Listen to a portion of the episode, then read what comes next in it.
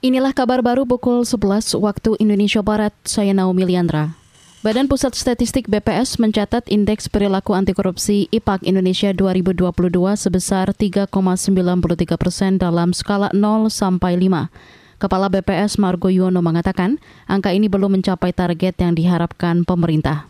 Jadi IPAK-nya itu sebesar 3,93 eh, persen dan ini meningkat sebesar 0,05 poin ya dibandingkan IPAK tahun 2021 ya. Dan kalau dilihat ya IPAK ini karena tertuang dalam RPJMN ya nilai IPAK ini capaiannya masih di bawah target RPJMN di tahun 2022 ya yang menargetkan sebesar 4,06 persen ya.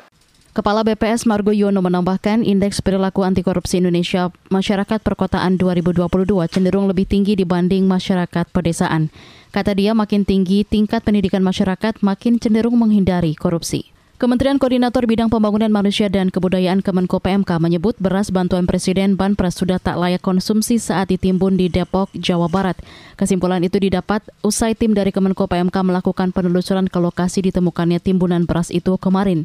Deputi Bidang Koordinasi Peningkatan Kesejahteraan Sosial di Kemenko PMK, Andi Megantara, dalam keterangan yang mengatakan jumlah beras yang ditimbun diperkirakan mencapai satu ton. Kata dia, pada saat ditimbun kondisinya sudah tidak layak konsumsi, sebab beras rusak dalam dalam perjalanan menuju ke keluarga penerima manfaat KPM. Harusnya, kata Andi, bantuan beras itu disalurkan saat pandemi tahun 2020 lalu. Beras disalurkan oleh Bulog melalui transporter JNE dengan kemasan 20 dan 5 kg. Dari keterangan yang dihimpun, pihak JNE mengakui beras Banpres itu sudah tidak layak konsumsi karena rusak. Pihak JNE mengklaim telah mengganti beras rusak dengan beras yang baru dengan kualitas sama untuk disalurkan pada KPM. Andi Megantara memastikan proses penyaluran Banpres tidak terganggu dengan temuan ini. Kata dia, seluruh KPM telah menerima beras dengan kualitas layak tepat waktu. Meski demikian, Andi menegaskan pihak Kemenko PMK akan terus mengawal kasus ini sampai tuntas. Kita ke informasi olahraga. Sebanyak 10 atlet ASEAN Para Games yang berlaga di Semarang terinfeksi COVID-19. 10 atlet itu saat ini masih dalam pemantauan tim medis. Selengkapnya disampaikan Yuda Satriawan. Penyelenggara ASEAN Para Games tahun 2022 melakukan pemantauan kondisi 10 atlet yang dinyatakan positif COVID-19 di Semarang. Ketua Pelaksana ASEAN Para Games Indonesia atau INASPO Gibran Raka Buming Raka mengatakan kemungkinan terjangkit COVID tetap ada karena saat ini masih pandemi. Menurut Gibran, panitia memantau kesehatan para atlet tersebut. Tidak apa-apa, kita pantau aja ya. Nah, gimana lagi di, di tengah pandemi? Tidak apa-apa, ya.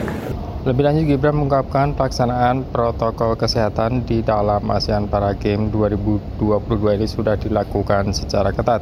Pelaksanaan tes swab pun Ibu Gibran sudah dilakukan sesuai prosedur. 10 atlet ASEAN Para Games 2022 yang berlaga di Semarang terdeteksi terpapar COVID-19. Hasil itu diperoleh setelah mereka menjalani tes antigen. Mereka adalah atlet para renang yang akan berlaga di kompetisi ASEAN Para Games 2022. Dari Solo, Jawa Tengah, Yudha Satriawan, KBR. Demikian kabar baru KBR, saya Naomi Liandra.